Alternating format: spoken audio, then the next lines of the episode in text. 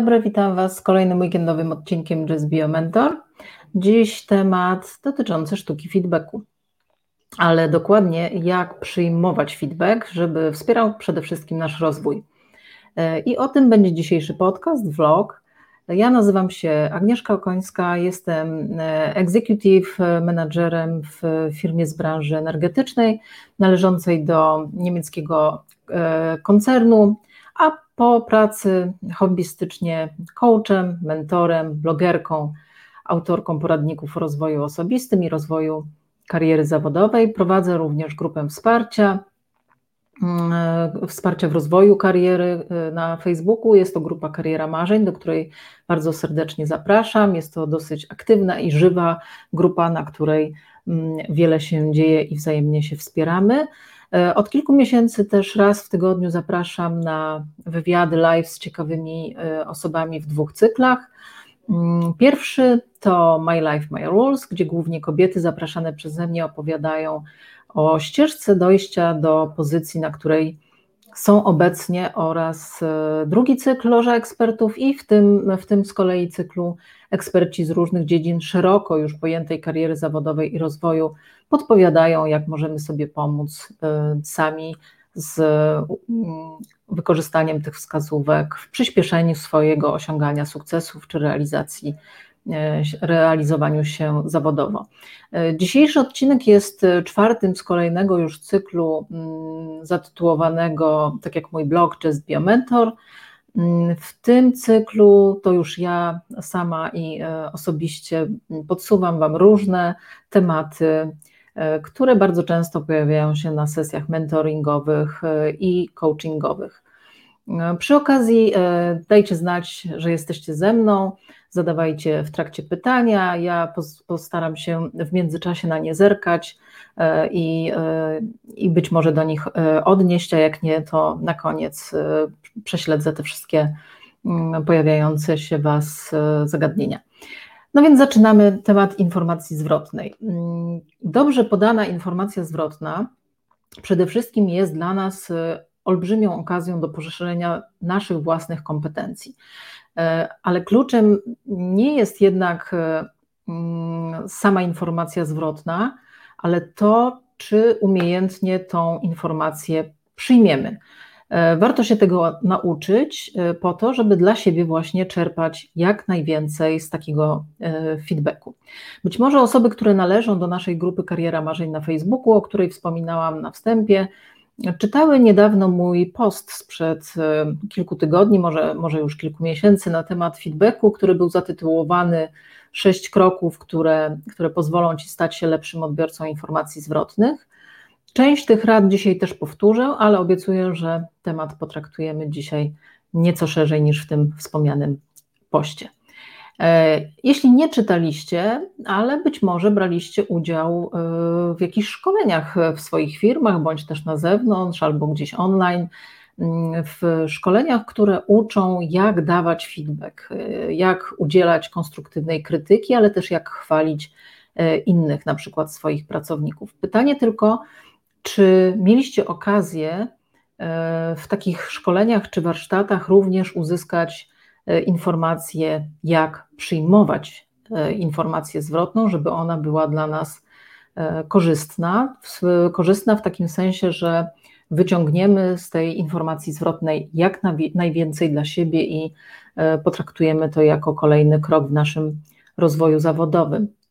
I muszę powiedzieć, że nawet w firmach, które szczycą się tym, że są organizacjami stale uczącymi się, i mają tak zwaną kulturę bazującą na feedbacku, czy kulturę feedbacku, to, takie szkolenia, jak przyjmować feedback, czy taka część szkolenia, jak przyjmować feedback, niestety nie, jest e, często pojawiająca się. I wydaje mi się, że jest to jednak zaskakujące, dlatego że prawidłowo przyjęty feedback, tak jak już powiedziałam, jest e, tak samo ważny jak umiejętność udzielania feedbacku, a dla nas samych może nawet jeszcze, jeszcze ważniejszy, bo pozwala nam dowiedzieć się o sobie jak najwięcej. E, I informacja zwrotna nic nam nie da, jeżeli nie będziemy jej e, potrafili po prostu przyjąć e, w sposób należyty. I niezależnie od tego, czy chcesz doskonalić swoje kompetencje jako menedżer czy menedżerka, czy nie wiem, jako matka, ojciec, a może chcesz poprawić swoje jakieś nawyki, to warto mm, zadbać o to i w ogóle zdać sobie sprawę z tego, czego tak naprawdę nie wiemy. E, może, może niektórzy z Was wiedzą, znają e, taką mm, koncepcję. Ja ją bardzo lubię i nie tylko e, w tematyce feedbacku ją lubię i za chwilę o tym powiem dlaczego. Jest to koncepcja stworzona mm, chyba w latach 70. ubiegłego wieku, mm, niejakiego Noela Bercza. Jest to koncepcja, która podkreśla znaczenie świadomości ale też i e, znajomości poziomu swoich kompetencji jako dwóch czynników tak naprawdę wpływających najbardziej na efektywność zdobywania nowej wiedzy i umiejętności. Koncepcja ta mm, jest, tak jak powiedziałam, nie tylko ważna w zagadnieniu feedbacku, jest także niezwykle przydatna w ogóle w komunikowaniu się z, z innymi osobami. Ja ją bardzo często wykorzystuję na sesjach mentoringowych. E, bo bardzo często słyszę od swoich mentee, no tak, ale ja mówię wyraźnie, co jest na przykład do zrobienia, a, a, druga strona, odbiorca mojego komunikatu źle to zrozumiał i nie otrzymałam tego, czy nie otrzymałem, e, o co prosiłem. E, no tak, nam się wydaje, że inni rozumieją, i to zawsze powtarzam, że inni rozumieją dane zagadnienia w takim samym stopniu, jak my je rozumiemy, bo dlaczego miałoby być inaczej? Zatem e, e,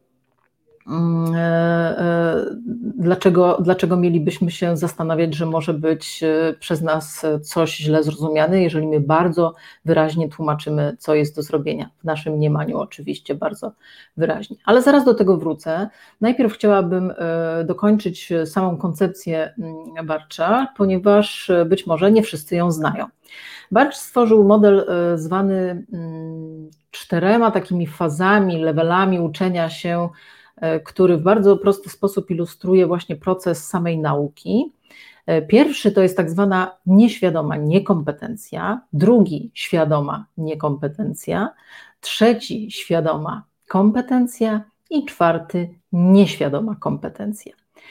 Dla, dla przykładu, żeby to, to jakby lepiej nam zobrazować, przyjmijmy, że chcielibyśmy rozwijać właśnie umiejętność udzielania e, feedbacku. Na pierwszym etapie mamy do czynienia z sytuacją, w której jeszcze my sami nie jesteśmy świadomi tego, co robimy dobrze, a co źle. E, I to jest właśnie ten pierwszy etap, czyli nasza nieświadoma niekompetencja. Dopiero po jakiejś informacji zwrotnej, na przykład od doświadczonego naszego przełożonego, ale być może nawet od naszych podwładnych, dowiadujemy się, co, powin, co powinniśmy doskonalić, e, i jeżeli przyjmiemy tę informację mm, zwrotną przejdziemy na kolejny poziom, bo już wiemy, czego nie wiemy. I to jest ten drugi poziom, czyli świadoma niekompetencja. Wiemy, czego nie wiemy.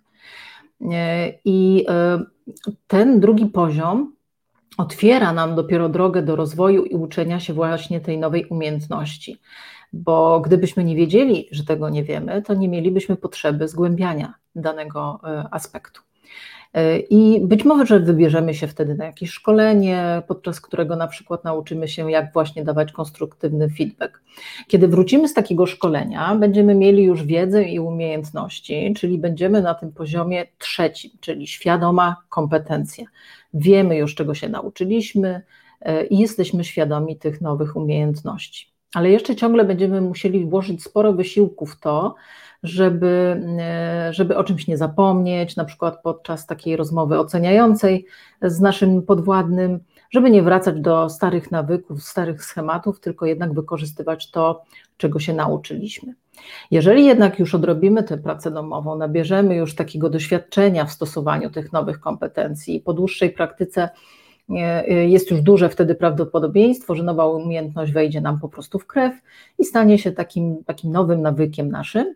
Nie będziemy już wtedy musieli na co dzień sobie przypominać o regułach, zasadach, których się nauczyliśmy na szkoleniu, jak dawać konstruktywny feedback, po prostu będziemy go poprawnie udzielać na co dzień, nie zastanawiając się nad tym. I to jest ten czwarty poziom, nieświadoma kompetencja, że robimy coś już bez zastanowienia, robimy to w sposób e, e, prawie że jak nawyk, przyzwyczajenie, czy, czy bardzo dobrze mm, praktykowane kompetencje. I w życiu każdy z nas przechodzi taki opisany właśnie proces wielokrotnie, mm, chociażby ucząc się w dzieciństwie jazdy, nie wiem, na rowerze czy na łyżwach, ale niestety w praktyce e, przechodzenie przez, przez te etapy nie zawsze przebiega tak gładko i z happy endem, jak w, w tym opisanym przeze mnie po prostu przykładzie. E, I wracając jeszcze na chwilę do dwóch pierwszych etapów, e, można pokusić się w ogóle o stwierdzenie, że, że takie wyjście z nieświadomości e, i odkrycie swojej niewiedzy staje się bardzo ważnym, newralgicznym wręcz momentem dla naszego rozwoju. Pierwszy poziom to brak świadomości tego, że czegoś nie potrafię. Oraz co za tym idzie, jak już nie wiem, że tego nie potrafię, to brak też potrzeby zdobycia nowej kompetencji. E, I możemy robić coś źle, nie mając o tym w ogóle zielonego pojęcia i żyjemy w błogiej nieświadomości. E, możemy nawet e, niechcący temu zaprzeczać.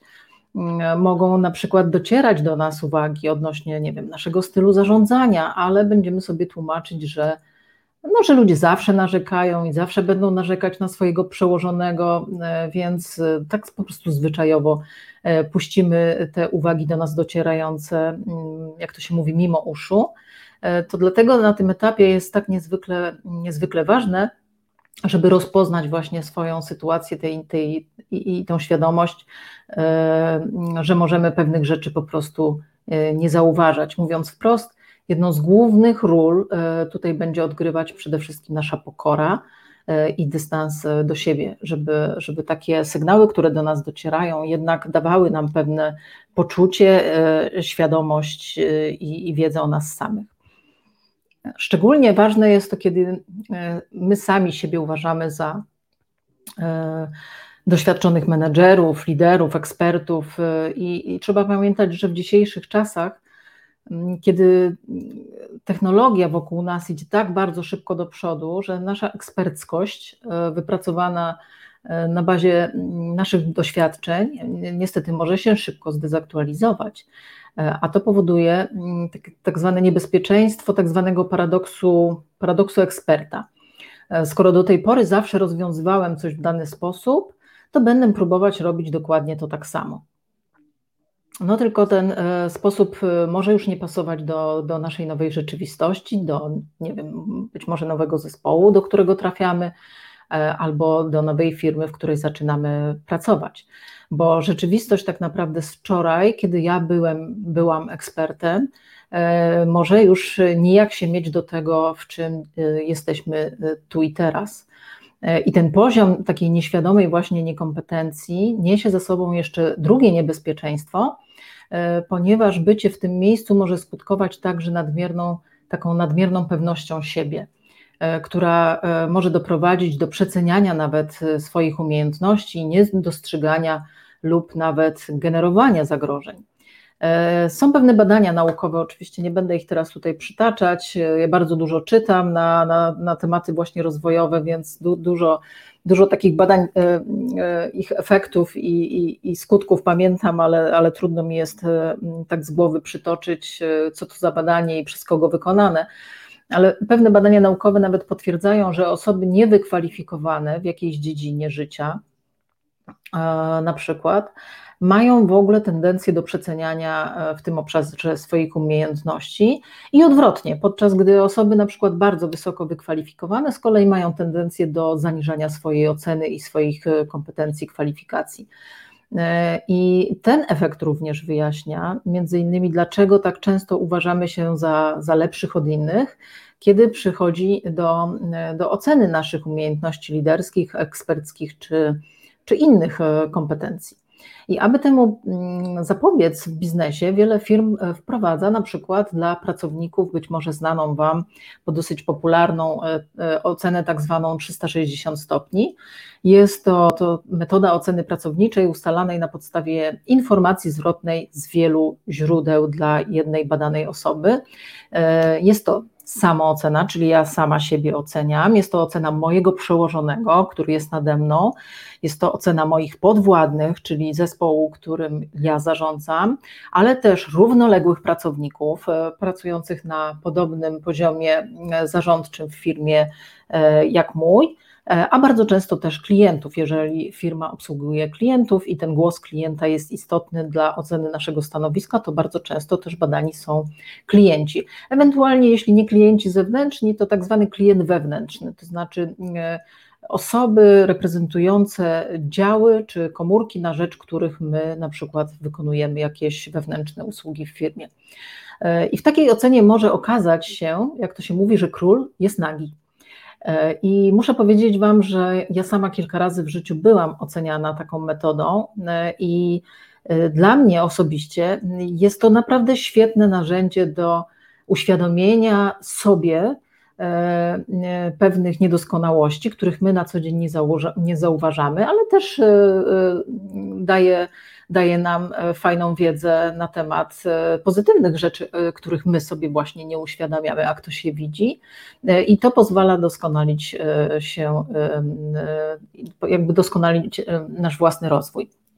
Ale muszę też powiedzieć, że nie każdy chce się takiej metodzie badania E, poddać. E, I w mojej poprzedniej firmie, wiele, wiele lat temu, kiedy nasza dyrektor personalna zaproponowała kadrze, powiedzmy takie N-1, takie badanie, no to muszę powiedzieć, że większość była e, przeciwna. Dlaczego? No bo większość tak zwanych dyrektorów oddziałów była od wielu lat no trochę takimi królami na swoich włościach.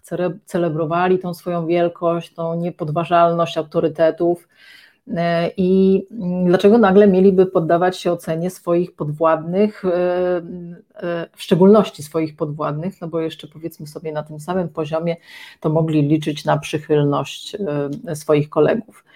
Mm, dlaczego mieliby w ogóle dowiedzieć się o sobie czegoś, czego nie chcą wiedzieć na przykład i nie zauważali kompletnie w tej, w tej ocenie możliwości rozwoju własnego, Powiem więcej, e, wydaje mi się, że oni też e, nie mieli w ogóle poczucia, że muszą się rozwijać. Przecież już teraz są, jak to się mówi, mistrzami świata, a tyle lat są na tych stanowiskach, więc co im może zagrażać?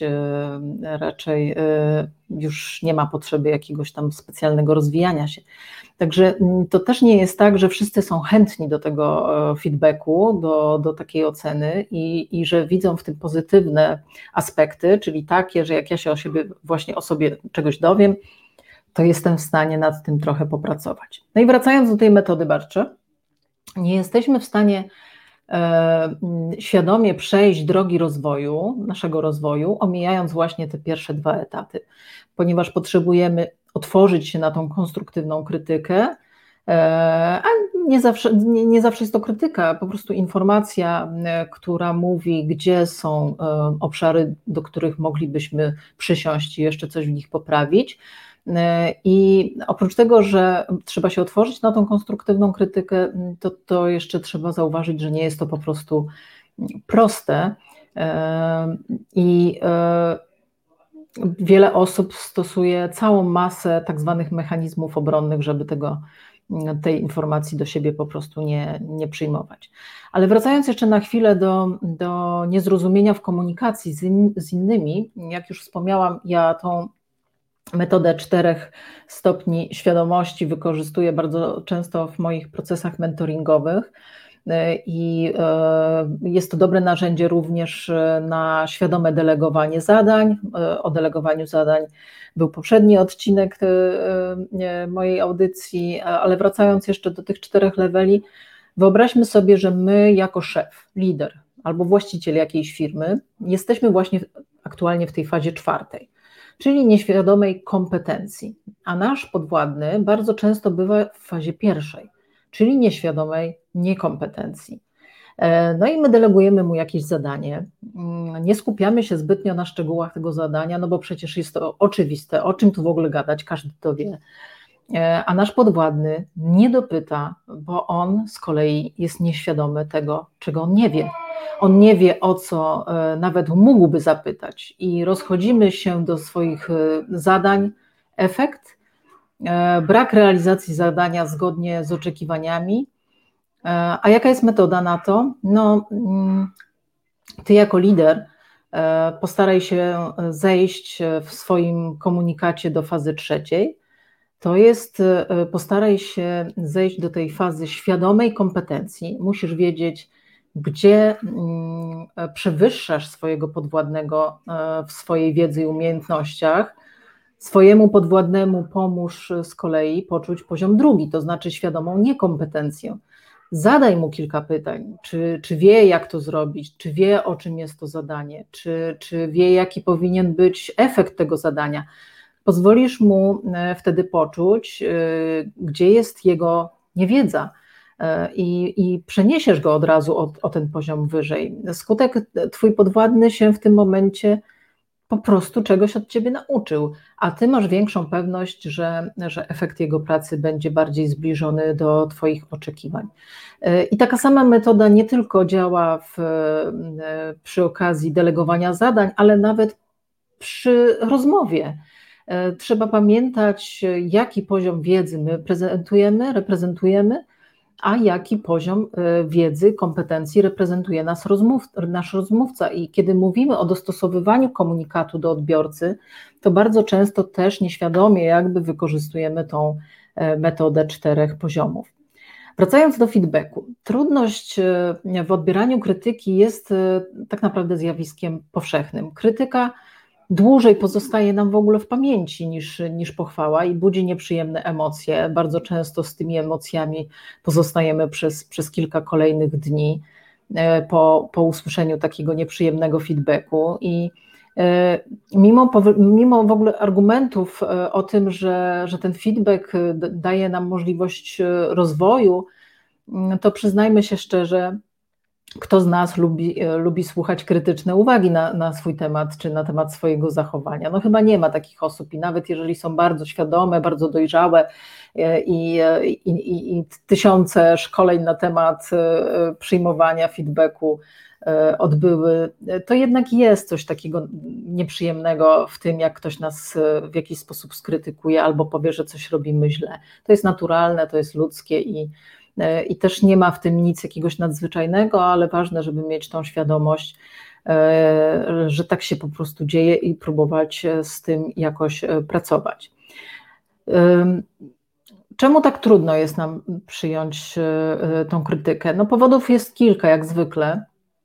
Jednym z, z nich jest właśnie poczucie bycia takim atakowanym. Kiedy, kiedy słyszymy informację zwrotną, mamy często wrażenie, że odnosi się ona w ogóle do całego naszego jestestwa. Nie do tej konkretnej sytuacji, która została w tym feedbacku zaprezentowana, tylko do nas w ogóle.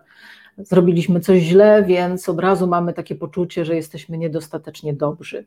Skrytykowano nas, więc, więc mm, może się po prostu do tego nie nadajemy. Takie myśli do nas przychodzą i się z nimi borykamy. Boimy się utracić też obraz siebie w, w oczach innych, a zwłaszcza jeśli on jest dobry. Boimy się też, że ten swój dobry wizerunek utracimy też w swoich oczach. To też jest bardzo częste. E, I e, jak pokazują liczne badania, krytykę bardzo trudno przyjmują też osoby o niskim poczuciu własnej wartości ale też takie, które przez całe życie na przykład słyszały, że są idealne, że są zdolne, mądre, doskonałe i nagle słyszą krytykę. To jest dla nich bardzo trudne. Są przyzwyczajone do tego, że dostają pochlebstwa, a, a tu nagle jakiś głos krytyczny. To, to się po prostu nie zdarza i to jest bardzo źle e, przez nie odbierane bo może to też stworzyć rysę na ich tym idealnym wizerunku e, i starają się tej krytyki przeważnie nie przyjmować po prostu do siebie. Jest kilka mechanizmów obronnych, które osoby, które nie chcą przyjąć informacji zwrotnej, e, najczęściej stosują. One są e, bardzo często właśnie przez teoretyków tej i praktyków tego zagadnienia bardzo często przytaczane, bo one naprawdę bardzo często występują. Po pierwsze, taka osoba, która przyjmuje informację zwrotną, ten feedback, to pierwszą taką, takim mechanizmem obronnym jest e, bronienie się i szukanie winnych. Bardzo często na przykład mówią, że ale to nie moja wina, bo, bo tak naprawdę to ja zrobiłem dobrze, czy zrobiłam dobrze, tylko to jest wina jakiejś tam pani Iksińskiej czy, e, czy Kowalskiej. E, druga, drugi mechanizm to mm, słysząc na przykład, nie wiem, od sąsiadki, która prosi, żebyśmy trochę przyciszyli muzykę, bo, bo jej to przeszkadza w pracy, to, to zamiast przeprosić, podziękować za informację i to zrobić, to bardzo często odpowiadamy, że proszę lepiej na przykład przypilnować swoje dzieci, bo strasznie hałasują i to jest dopiero e, przeszkadzanie, więc e, od razu e, przechodzimy jakby do, do ataku, tak, czyli w sposób obrony to jest nasz atak. Trzecia taka technika, która też bardzo często występuje, to jest tworzenie sobie takich katastroficznych scenariuszy. Jeżeli słyszymy feedback w pracy, e, na przykład od swojego przełożonego, to zamiast wziąć sobie to do serca i spróbować coś z tym zrobić, poprawić, to e, bijemy się z myślami, no skoro powiedział mi to po raz kolejny, to na pewno mnie zwolni, na przykład po okresie próbnym. Już sobie tworzymy czarne scenariusze i nie sięgamy do sedna tego feedbacku, czyli do, do informacji, która mogłaby nam się przydać, żeby coś w sobie poprawić, tylko od razu czarne scenariusze kręcimy. Czwarty mechanizm to takie mm, wycofanie się trochę, zamykanie się w sobie, wyciszamy się wtedy, ale wewnętrznie tam cały czas toczymy walkę, y, krytykujemy siebie wręcz i, i użalamy się też nad sobą. E, I to też jest e, nie najlepszy tak naprawdę efekt e, odbierania feedbacku. No i ostatni tak naprawdę też wcale nie najlepszy, to takie trochę przymilanie się i przez to obniżanie, przez to swojej wartości, e, jeżeli ktoś nam mówi, że coś zrobiliśmy źle, no to odpowiadamy coś w stylu, no wiem, ja to zawsze muszę coś zepsuć, ja to jesteś, ty to jesteś takim dobrym ekspertem, ja to nigdy taki nie będę, więc to jest takie, e, to się, to, się, to się dosyć często zdarza taka pozycja, ale to jest od razu obniżanie swoich lotów i obniżanie swoich kompetencji. Co jeszcze? E, co ciekawe, to problem przyjmowania feedbacku nie dotyczy tylko krytyki. E, część z nas ma w ogóle problem z przyjmowaniem także pochwał czy, czy, czy pozytywnego takiego feedbacku. Pewnie kobiety to, to dobrze znają, y, bo nie potrafią przyjmować. Y, y, może teraz to już się trochę zmienia. Myślę, że jak obserwuję tam dookoła, kobiety to już się zmienia, ale, ale jeszcze, jeszcze kilka lat temu to bardzo często dawało się można było zauważyć brak umiejętności przyjmowania komplementów czy jakichś pochwał. I jak ktoś powiedział na przykład, nie wiem, masz piękną sukienkę, to, to zamiast podziękować, to, to kobieta odpowiada przeważnie, a daj spokój, to tam stara kiecka wyciągnięta gdzieś tam z szafy, po prostu nie miałam się w co ubrać, więc założyłam starą. E, więc, więc też nie potrafimy przyjmować komplementów czy takich pozytywnych e, reakcji, które do nas od kogoś innego trafiają. E, I przyczyna może leżeć po pierwsze w przekonaniu, często wyniesionym z naszego właśnie dzieciństwa, że, że przyznanie się do, do pochwały to jest taką oznaką arogancji i pychy. Jeżeli e, czujesz takie przekonanie, jeżeli masz z tym problem, to warto to zmienić, bo, bo ograniczamy sobie w ten sposób dostęp do tak zwanego wzmacniania, wzmocnienia w postaci właśnie pozytywnych informacji płynących do nas E, od innych ludzi. Więc jeżeli mamy problem z przyjmowaniem takiego pozytywnego feedbacku, to popracujmy nad tym, bo, bo naprawdę warto, e, warto nauczyć się przyjmowania go. E, po drugie, część z nas nieświadomie też umniejsza sobie, żeby ktoś inny jakby temu zaprzeczał. I to też dosyć często się spotyka. Wracając do tej sukienki przykładowej, to, to zamiast odpowiedzieć, że tak, e, dziękuję, no to my oczywiście mówimy, że to stara kiecka, więc ktoś, e, ta, ta, osoba druga mówi, aj daj spokój, co ty mówisz, super sukienka, więc jakby my specjalnie obniżamy tą, tą, tą swoją wartość, żeby ten ktoś jeszcze raz tam dobitnie powiedział, że tak, tak, że jest super, e, więc to też leży trochę w takim naszym charakterze to taka trochę jakby pokraczna e, chęć uzyskania akceptacji kosztem właśnie siebie i, i wchodzenia w rolę tak zwanej ofiary, co naprawdę dobrze nam nie robi. I, i podobnie jak w przypadku krytyki, e, drogą do, mm, do otwarcia się na taką pochwałę, no niestety jest praca nad, nad poczuciem własnej wartości i, i, i pewności siebie. To, to ten brak poczucia własnej wartości i pewności siebie może być naprawdę doskwierający w wielu obszarach naszego rozwoju osobistego i w przyjmowaniu feedbacku również.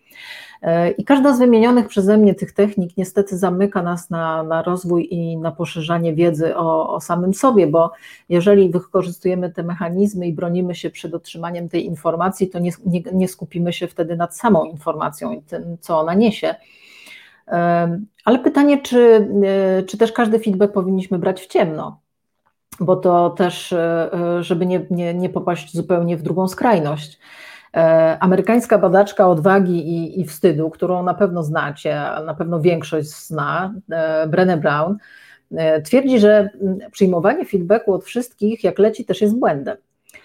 I że nasze codzienne, takie zawodowe życie po prostu ma z natury wielu komentatorów. Ale Brené Brown uważa, że taki mm, feedback e, trafia do nas e, z takich e, generalnie dwóch grup komentatorów. Jedna z nich, jakby jednej z nich nie powinniśmy tego, tego feedbacku słuchać, a jeżeli go słuchamy, to też w ograniczonym takim wpływie na, na nasze samopoczucie. I Brenę porównuje e, te, te dwie grupy komentatorów do różnych sektorów publiczności na jakimś wydarzeniu, na przykład e, koncercie czy, czy, czy jakiejś e, imprezie masowej, gdzie ten pierwszy sektor, do którego komentarzy właśnie powinniśmy mieć ograniczone zaufanie, to tak zwany sektor tanich miejsc. I ten sektor tanich miejsc Brenę nazywa, że to są zazwyczaj osoby, które krytykują po prostu dla samego krytykowania. I takie osoby nigdy nie przeszły tego, co my, nigdy nie, zaryzyk, nie zaryzykowały, nic same nie zrobiły, ale uwielbiają, słuchajcie, hejtować innych. I jest to taka grupa, która dzisiaj, w dzisiejszych czasach jest bardzo mocno widoczna w mediach społecznościowych. Krytyka płynąca z tego sektora jest dla nas absolutnie, słuchajcie, nieistotna. Nie należy się w ogóle nią przejmować ani brać do siebie. Mm, bo po pierwsze ona nie wnosi nic w nasze życie ani nasz rozwój, e, a z drugiej strony może po prostu wpędzić nas w depresję. E, I wiele osób, które są dość popularne w mediach społecznościowych, e, to, to zaleca im się, żeby się po prostu tym hejtem pojawiającym się na ich temat kompletnie nie przejmowały, a nawet tego nie czytały.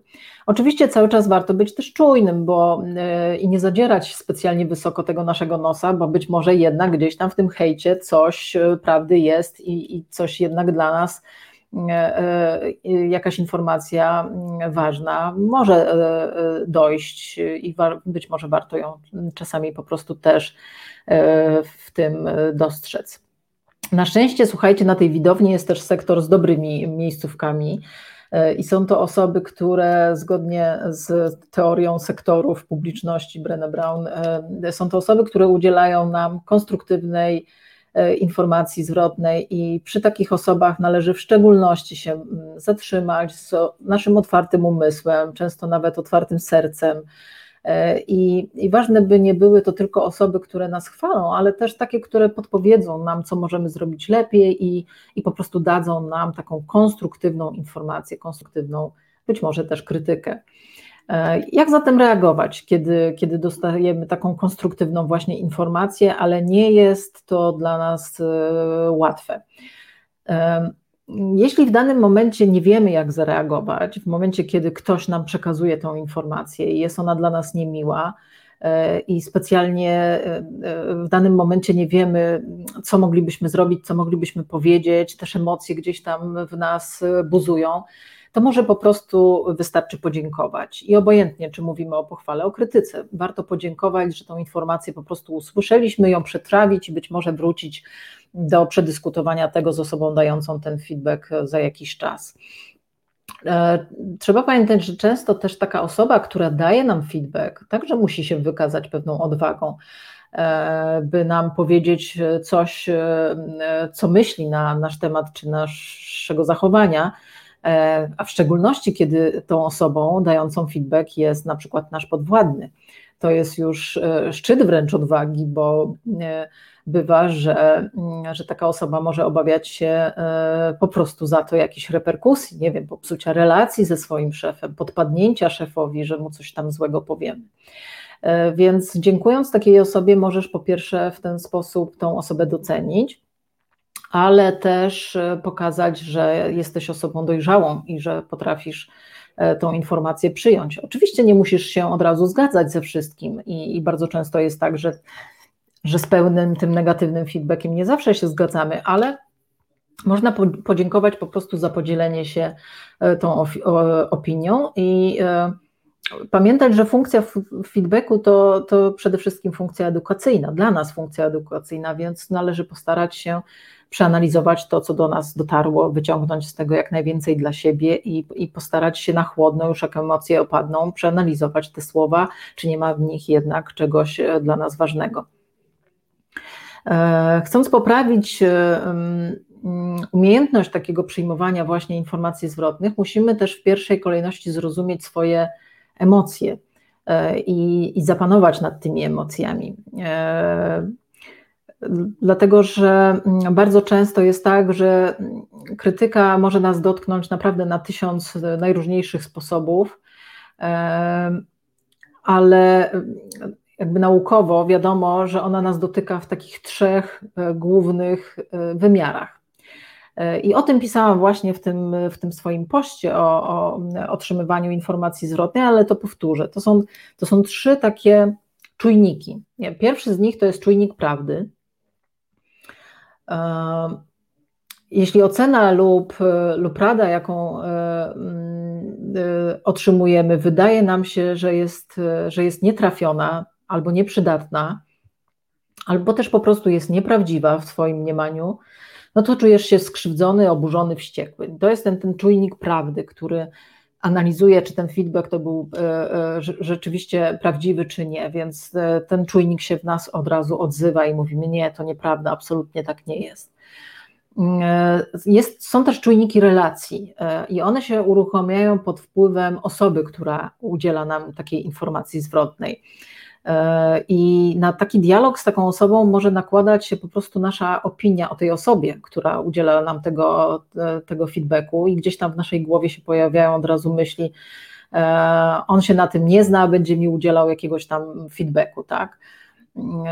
Więc albo, albo, albo informacja gdzieś tam w, nasze, w naszej głowie się pojawia po tym, co ja dla tej osoby zrobiłem, czy zrobiłam, to, e, to, to stać ją teraz na taką małostkową krytykę w stosunku do mojej osoby, więc jakby nie odbieramy samego feedbacku czy informacji zwrotnej, tylko odbieramy to e, w korelacji z osobą, która tego, tego feedbacku nam udziela.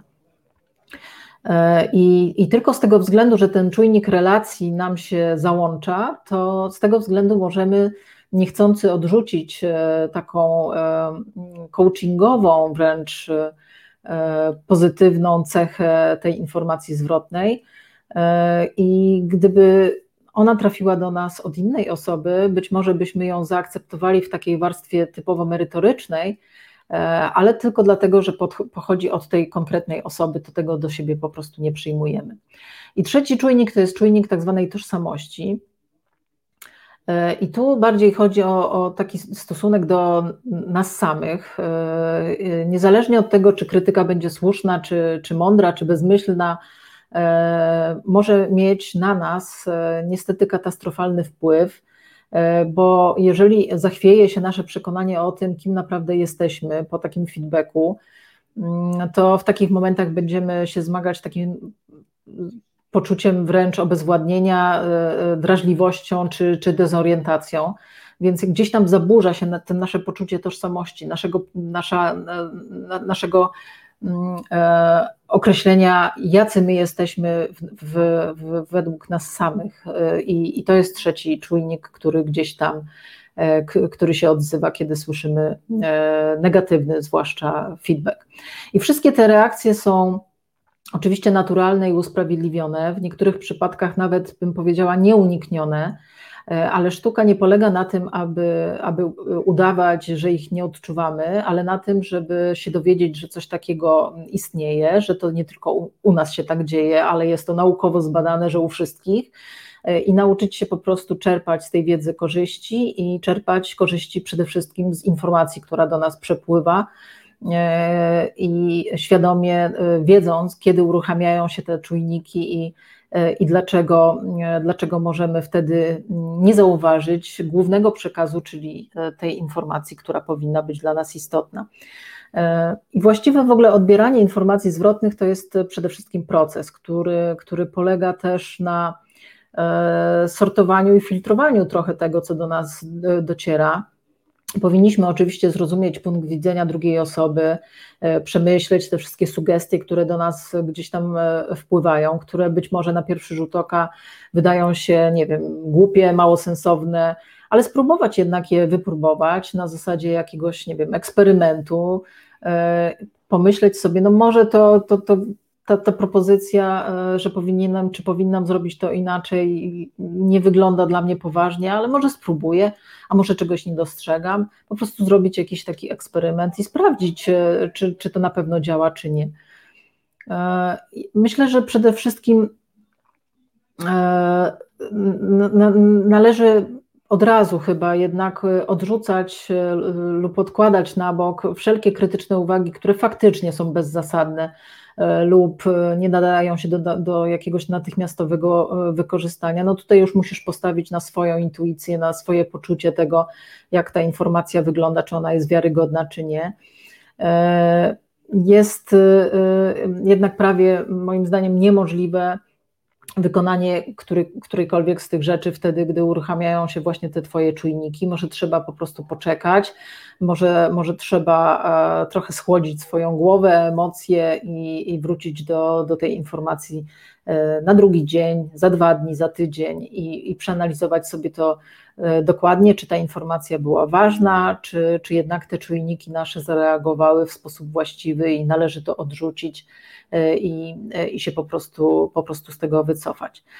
Mm, I to, co na koniec jeszcze chciałabym e, też przypomnieć, to też o tym pisałam w swoim poście, to takie sześć kroków głównych przyjmowania feedbacku, które tak naprawdę w, myślę, że w miarę w taki bardzo prosty sposób są w stanie nas przeprowadzić przez przez tą kulturę otrzymywania feedbacku, bo też jest kultura dawania feedbacku, ale też kultura przyjmowania e, feedbacku. Trzeba pamiętać, że te informacje zwrotne otrzymujemy przez całe życie, e, więc e, mamy też swoje jakieś wzorce, jak na nie reagujemy, więc warto jeszcze raz się im przyjrzeć, przyjrzeć tak trochę z boku i, i spróbować, spróbować przeanalizować, jak my się zachowujemy, bo E, krok pierwszy to jest e, poznanie swoich skłonności, czyli tego, jak my zwyczajowo reagujemy na feedback. Jeżeli my się sobie jakby przyjrzymy z boku troszeczkę, przeanalizujemy, jak reagujemy, bo czasami robimy to zupełnie nieświadomie i nawet nie jesteśmy w stanie e, w tej chwili ocenić, jak przyjmujemy ten feedback, musimy zrobić sobie taki eksperyment i następnym razem, kiedy otrzymamy taką informację, to siebie trochę poobserwować i zobaczyć, jak na, na to reagujemy, czy, czy od razu się pojawia w naszej głowie, że to jest absolutna nieprawda, czy, mm, e, czy krytykujemy osobę, która nam to dała, e, tę, informację, czy nie wiem, czy zbiera nam się na płacz, czy jesteśmy wściekli, czy reagujemy jakimś gniewem. Warto, żeby siebie troszeczkę poobserwować. To jest pierwszy krok takiej trochę świadomości własnej. E, drugi krok to jest przede wszystkim oddzielenie treści przekazanych informacji od e, osoby, która, która tą informację przekazuje, właśnie ten, e, ten czujnik relacji. Bo gdy krytyka tak naprawdę jest merytorycznie uzasadniona i informacja jest właściwa, rady są mądre, to nie powinno mieć znaczenia, kto je tak naprawdę przekazuje, i, i warto po prostu oddzielić te wieści od posłańca który z tymi e, informacjami do nas przychodzi e, i skupić się tak naprawdę tylko i wyłącznie na, na tej informacji. Krok trzeci to z kolei mm, przyjęcie takiego z góry założenia, że chodzi o coaching, to znaczy przyjęcie za dobrą monetę, że ktoś, kto informacji nam udziela, to, to naprawdę chce nam w jakiś sposób pomóc, e, żebyśmy się nie irytowali, tylko żebyśmy potraktowali to jako naukę, coś, co daje nam możliwość rozwijania się. Jeżeli tak potraktujemy feedback jako coaching, to od razu e, zobaczycie, że inaczej się ta informacja nam przyjmuje i zupełnie inaczej będziemy na nią reagować. Krok czwarty to, tak kolokwialnie mówiąc, trzeba rozpakować tą wiadomość. W wielu przypadkach tak naprawdę nie od razu wiadomo, czy otrzymana informacja zwrotna jest uzasadniona i użyteczna, dlatego zanim ją, zanim ją w ogóle przyjmiemy czy odrzucimy, to, to należałoby wykonać pewną pracę intelektualną, e, żeby lepiej zrozumieć ten przekaz, który do nas dotarł i, i informację, którą ktoś nam przekazał, e, a dopiero wtedy zdecydować, czy jest ona istotna i warto z nią zostać, czy ją odrzucić. Należy też, to, to, już jakby kolejny krok piąty, pytać o feedback, ale najlepiej o jedną konkretną rzecz. I trzeba pamiętać, że informacja zwrotna ma mniejsze szanse, żeby uruchomić nasze takie emocjonalne czujniki wtedy, kiedy o nią sami poprosimy i odpowiednio y, pokierujemy tą informacją. I nie ma tu co czekać na, nie wiem, ocenę roczną wyników swojej pracy, kiedy siadamy ze swoim przełożonym i ten feedback wtedy jest y, taki kompleksowy i poruszany na, na wielu płaszczyznach i dotykający wielu obszarów. E, myślę, że warto poszukać sobie okazji, żeby skorzystać z takiego e, e, bieżącego coachingu liderskiego oferowanego przez, przez naszych kolegów pracy w takich małych porcjach w trakcie roku. Mm, I, I po prostu pytać coś w rodzaju, czy, czy, czy chciałbyś mi przekazać jakieś sugestie konkretnie na konkretną rzecz, żeby, żeby też osoba, która będzie nam udzielała informacji, skupiła się na jednej rzeczy, a my na tą jedną rzecz też zareagujemy zupełnie inaczej. I z badań też wynika, że osoby, które otwarcie, otwarcie tak zabiegają krytycznie o, e, o feedback, o, o uwagi do, do swojego sposobu postępowania, czy, e, czy siebie jako osoby, po prostu, które proszą o, o, o, feedback, z reguły są e, wyżej też oceniani jako liderzy czy pracownicy. Mm, e, głównie dla, dla, dlatego, że ktoś mm, jakby proszący o, o, o taki feedback rzeczywiście się chce sam poprawiać, chce się rozwijać, ale też jest postrzegany jako, jako osoba, która ma w sobie E, pokorę, szacunek do innych e, i wytrwale dąży do, do tej doskonałości i pewności siebie. Więc bardzo, bardzo pozytywnie też będziemy postrzegani jako otoczenie, jeżeli będziemy o taki feedback e, systematycznie prosić. I ostatni krok to, to właśnie to, o czym już chwilę mówiłam, przeprowadzać takie małe eksperymenty, czyli po tym, jak uzyskamy taką informację zwrotną, E, i, i mamy nadal z, z problem z rozróżnieniem, czy ta rada jest dobra, czy nie, to po prostu ją wypróbować i, e, i sprawdzić, jak to działa. E, czy ta, czy ta rada, którą dostaliśmy, to ona ma w ogóle możliwość zadziałania w naszym postępowaniu.